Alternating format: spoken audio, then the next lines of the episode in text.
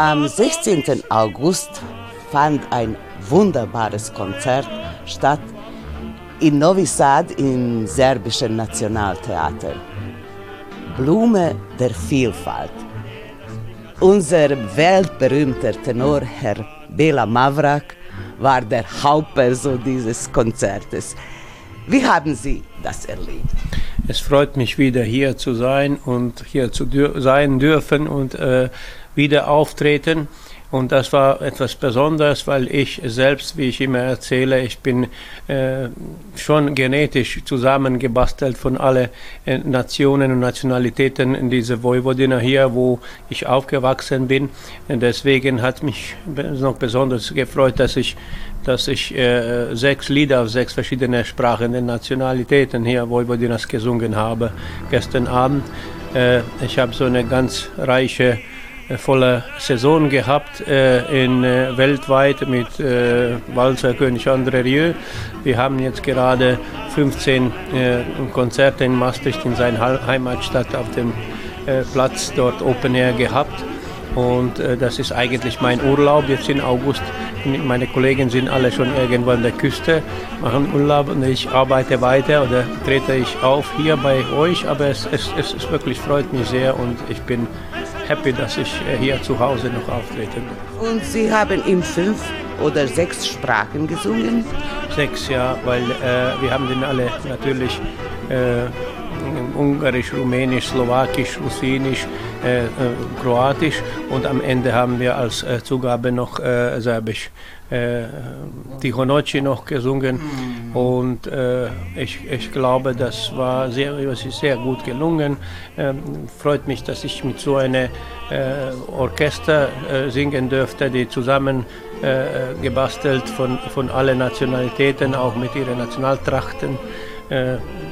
So etwas könnte ich mir vorstellen, äh, könnte wirklich in Zukunft auch sehr erfolgreich sein und sogar international präsentieren unsere Heimat und äh, Novi Sad, besonders als äh, Kulturhaupt, europäische Kulturhauptstadt dieses Jahr, sollten wir auch als Stolz zeigen überall. Und ich erzähle auch überall weltweit auch, wo ich äh, auftrete und wo sie mich interviewen, dass ich komme von so einem kleinen Gebiet von, äh, von äh, Europa, wo man schon äh, 300 Jahre vorher eine europäische, kleine Europäische Union gehabt haben, wo wir schon äh, alle Nationalitäten auch auf, die, äh, auf ihre eigene Sprache sich verteidigen könnten auf dem Gericht. Das hat mein Großvater immer erzählt.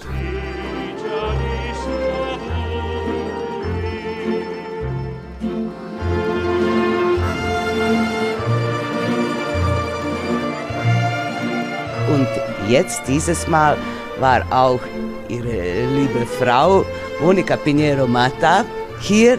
Was für ein Erlebnis war für Sie dieses Konzert? Es war wirklich äh, sehr schön. Ich fand das auch, ähm, dass alle Orchester oder alle äh, Mitglieder der äh, verschiedenen Orchester da sein, waren. Und als ich reingekommen bin, dann habe ich gesehen, okay, wie würde ich dann erkennen, wer von woher kommt. Und da habe ich sofort an der Kleidung gesehen, wie die, also die, das war wirklich so sehr beeindruckend zu sehen, dass jeder sich so stolz präsentiert hat mit dem, mit dem äh, eigenen Kleidung und so Trachten, so wie Bela gesagt hat. Und äh, die Musik war auch sehr sehr gut. Es war ähm, so zum Teil sehr lebendig, wo man auch richtig so Lust hatte, so zu tanzen und zu klatschen. Und das war auch in anderen Momenten so sehr gefühlvoll, was ich auch ähm, immer sehr, sehr schätze.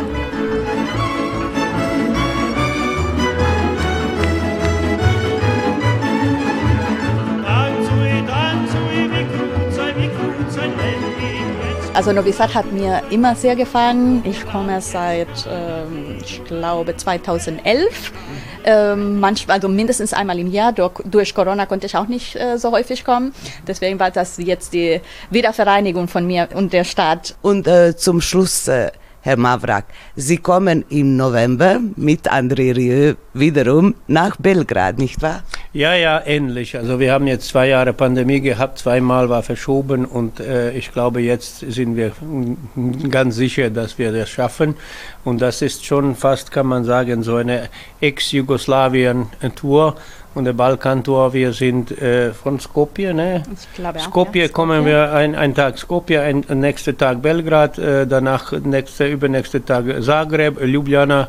Also die alte jugoslawische äh, äh, Städte, die ich äh, alle gut kenne. Jetzt endlich kommen wir und, und ich, es freut mich sehr. Vielen Dank für das Gespräch, viel Spaß noch in Novi Sad und viel Erfolg. Dankeschön. Danke.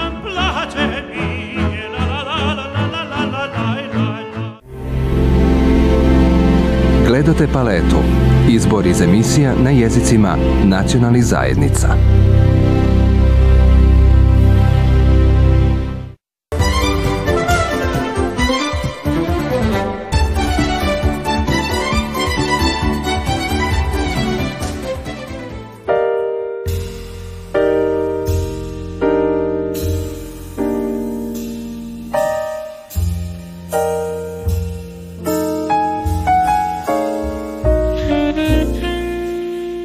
Das internationale Festival für alternatives und neues Theater wurde am vergangenen Samstag im serbischen Nationaltheater in Novi Sad angestoßen.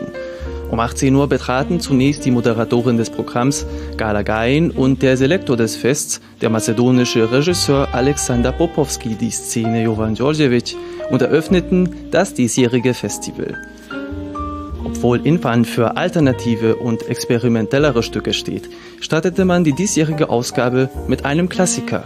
Mit Strindbergs Drama Fräulein Julie in der Regie der slowenischen Regisseurin Mateja Koleschnik. Sie arbeitete am Stück mit drei der besten, mehrfach ausgezeichneten Schauspielern des renommierten Wiener Burgtheaters. Das Trio aus Marise Regener, Sarah Victoria Frick und Itai Tiran demonstrierte dem Publikum eine Meisterklasse der Schauspielkunst. Was erwartet die Zuschauerinnen und Zuschauer heute Abend? sehr viel ähm, Eigeninitiative beim Schauen, also ähm, beim Zuhören und was man sehen will, weil es nicht alles äh, vorgekaut wird und nicht alles gezeigt wird, sondern äh, ja, eigentlich die Fantasie wird, äh, das wird verlangt. Das Drama handelt von einer Geschichte, in der sich zwei verlorene Seelen, die adelige Julie und der Diener Jean, ineinander verlieben und die Nacht zusammen verbringen. Danach müssen sie jedoch mit den Konsequenzen ihrer Tat umgehen, die sich als fatal herausstellen würden. Diese drei Figuren sind eigentlich Prototypen. Jean und Fräulein Julie sind die Träumer und Christine ist die Person mit dem Plan, weil sie äh, weiß, was sie braucht und was sie, wie viel sie erreichen ähm, darf. Und äh, das weiß sie ganz genau und sie ist, äh, sie ist eigentlich ähm, der leise, der stille äh, Gewinner und Chef, Diktator.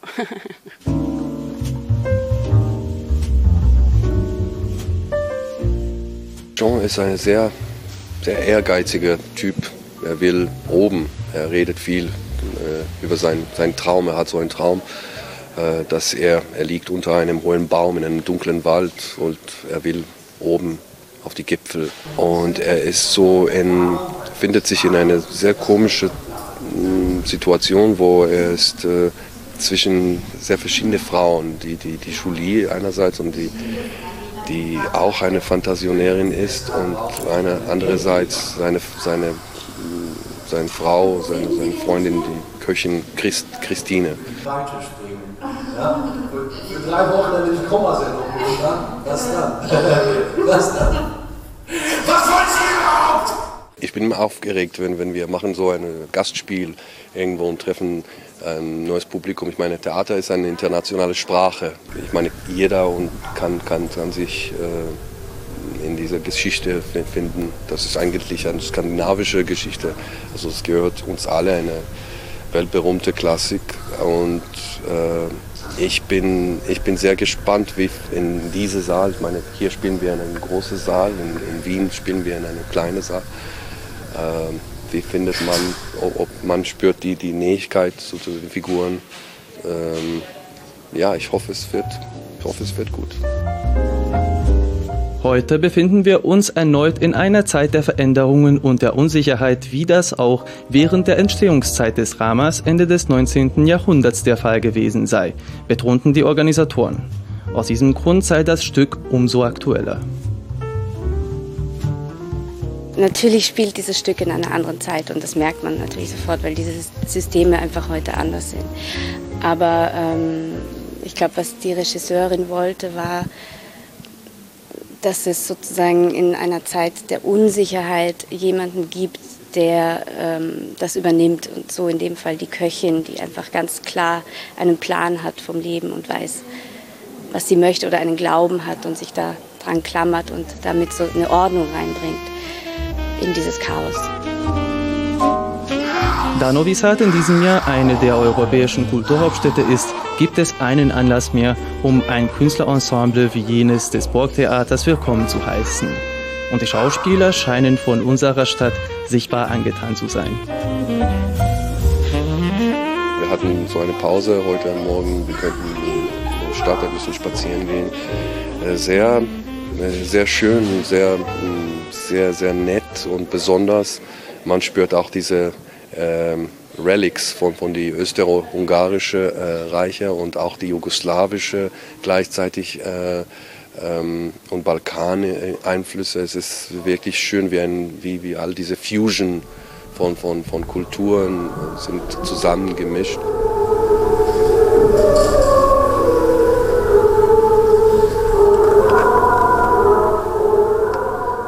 Gestern Abend angekommen. Ja, ich, ich finde es wahnsinnig schön. Also vor allem auch so dieses, das Leben, es ist sehr lebendig, es, sind, äh, es passiert viel.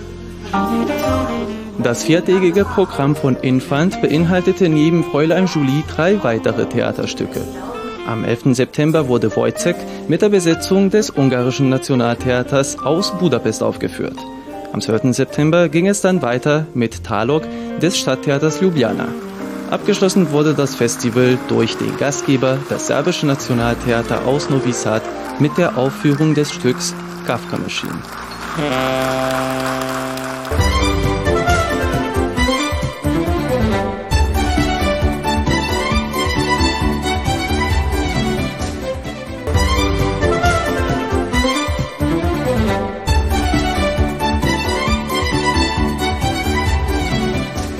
Wir befinden uns gerade vor der Philosophischen Fakultät an der Universität in Novi Sad und ich äh, werde mit zwei Studenten der Germanistik an der Philosophischen äh, Fakultät sprechen. Und zwar, sie sind gerade aus Maribor gekommen und wollten mit äh, uns ihre Eindrücke von äh, einer besonderen Sommerakademie, und zwar die Interkulturelle Translation Wissenschaftliche Sommerakademie und Symposium Trans äh, berichten. Also Nicole und ich haben an diesjähriger Sommerakademie in Maribor teilgenommen. Äh, die Akademie heißt Transkulturelle Kommunikation und Translation. Äh, dieses Jahr wurde sie in Maribor organisiert von Professorin Doktorin äh, Vasta Kucic. Und ja, wir sind sehr, sehr zufrieden mit der Organisation. Die Organisation war äh, fast perfekt. Äh, das Programm war, äh, wurde sehr gut durchgeführt. Also diesjähriges Thema war ähm, Übersetzen bzw. Translation in der inklusiven und globalen Gesellschaft. Also wir beschäftigten uns dort mit vielen translationswissenschaftlichen Themen. Wir befassten uns mit ja, verschiedenen Problemen, die beim Übersetzen vorkommen können. Äh, und natürlich äh, beschäftigen wir uns auch mit der maschinellen Translation. Und ja, es war wirklich sehr interessant. Viele interessante Vorträge von, äh, ja, von sehr guten Professoren und Professorinnen. Und ja, es war echt super. Und da es sich um ein internationales Treffen handelt, wie wurde es organisiert? Welche Sprachen wurden gesprochen? Das Programm wurde teils auf Deutsch, teils auf Englisch ähm, durchgeführt. Äh, wir hatten, also es gab dieses Jahr Teilnehmerinnen und Teilnehmer aus Bulgarien, ähm, aus Polen, aus der Slowakei, aus Slowenien, aus Nordmazedonien und natürlich aus Serbien. Und dieses Thema, so interkulturelle oder äh, Translation, ist ziemlich modern. Und dieser, in dieser modernen globalen Gesellschaft entwickelt sich alles ziemlich schnell. Äh, wie wird es eigentlich eurer Meinung nach die Zukunft des äh, Übersetzens bzw. Dolmetschen weiterentwickeln? Also wie gesagt, ähm, haben wir an, ja, dieser, an diesem Seminar viele äh, ja, viele interessante Dinge über, über das maschinelle Übersetzen äh, äh, gelernt. Aber wir sind dessen bewusst, also viele dieser Professoren haben uns gesagt, dass wir eigentlich keine Furcht davor haben sollten, dass wir äh, durch Maschine ersetzen werden. Denn ähm, ja, äh, eine, Übersetz äh, ja, eine Übersetzung eigentlich ist nie perfekt ohne, ja, ohne ähm, ohne Menschen. Was sind eigentlich eure Eindrücke in dem Sinne? Was hat Ihnen für diese Erfahrung vorbereitet? Einige vielleicht äh, Seminare oder Kurse, Übungen?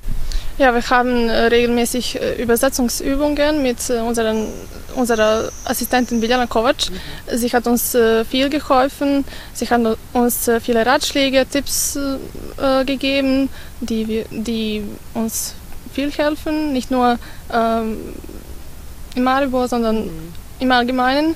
Ähm, und ja, diese Workshops, die wir in Maribor hatten, unterscheiden sich nicht so viel von diesen äh, Übungen, die wir, die wir, hier an der Fakultät haben. Also mehr oder weniger ist das äh, die gleiche Arbeitsweise, aber es ist immer, mh, mm, es ist immer äh, wichtig, äh, verschiedene Erfahrungen zu hören äh, von verschiedenen Menschen.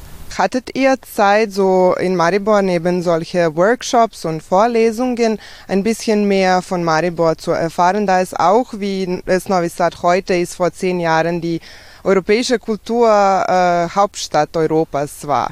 Ja, wir, haben, wir hatten äh, genug Freizeit, äh, die schöne Stadt Maribor zu, kennenzulernen.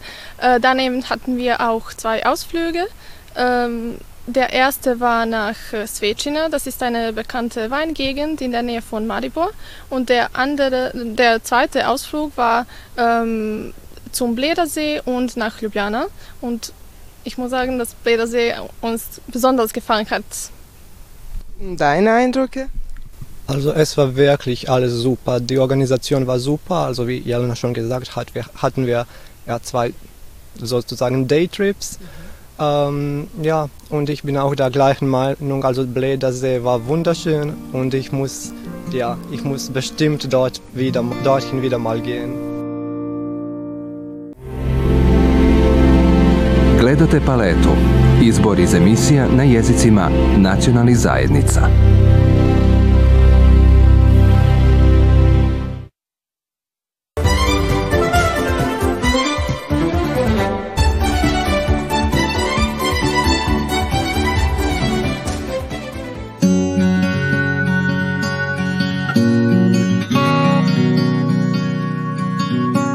Unser Team ist sehr stolz darauf, dass zwei unserer Kollegen am Institut für Germanistik promoviert haben, und zwar mit höchstem Lob.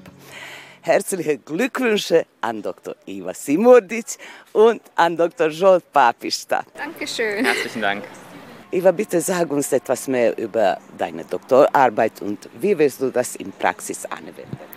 In meiner Arbeit habe ich mich mit den Archetypen in den Romanen von Michael Ende befasst. Michael Ende ist einer der bekanntesten deutschsprachigen Kinderautoren des 20. Jahrhunderts und auch heute noch wird er gelesen. Seine Werke werden auch zu Filmen verarbeitet. Also ist ein sehr langlebiger Autor. Und ich habe erforscht, wie seine Werke durch die Figuren und durch die Handlungen miteinander verbunden sind und wie sich auch diese Verbindungen ähm, zurückführen können zu Mythen, zu den älteren Geschichten. Also ich wollte irgendwie alles miteinander verbinden und auch zeigen, dass äh, Ende vieles entnommen hat aus der Literaturtradition, denn ich habe auch so ein Argument gemacht, was man oft mit der Kinderliteratur macht. Also sie ist nicht nur ähm, leer, sie ist nicht nur da, um Spaß zu machen, natürlich auch das, aber sie hat einen literarischen Wert und ich habe das hier unter anderem dadurch gezeigt, dass ich diese Anknüpfung an die literarische Tradition darlegen wollte. Ich hoffe natürlich, oder es gibt auch Pläne, es ist mehr als nur Hoffnung, dass wir die deutsche Kinderliteratur am Lehrstuhl einführen werden als einen Kurs. Und meine Dissertation bildet jetzt für mich einen Ausgangspunkt, dass ich auch Endes Werke, aber auch andere bekannte Werke der Kinderliteratur einführen kann. Und ich würde auch gerne den Studenten diesen Ansatz der Archetypen näher bringen. Das ist etwas, was wir bislang nicht gemacht haben hier an uns, bei uns am Lehrstuhl, obwohl es eine etablierte Theorie ist. Also einerseits werde ich durch die Dissertation auch diese Art Literatur, diese Kinderliteratur einführen können und hoffentlich auch einen Ansatz, der den Studenten zeigen kann, wie Literatur über die Jahrhunderte hinweg verknüpft ist.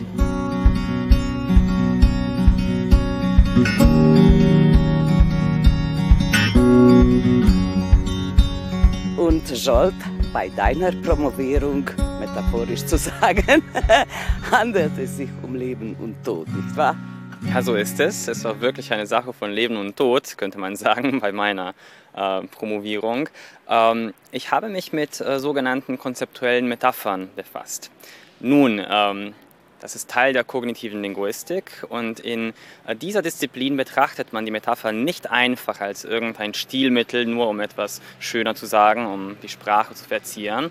Äh, vielmehr, so sagen die äh, kognitiven Linguisten, ist die Metapher eigentlich ein äh, kognitiver Prozess, durch den wir die Welt um uns herum konzeptualisieren, das heißt verstehen können. In meiner Dissertation habe ich mich mit ähm, einem ganz interessanten Phänomen beschäftigt.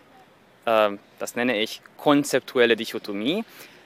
Und darunter verstehe ich die Beziehung zwischen einander entgegengesetzten Konzepten innerhalb von Metaphern.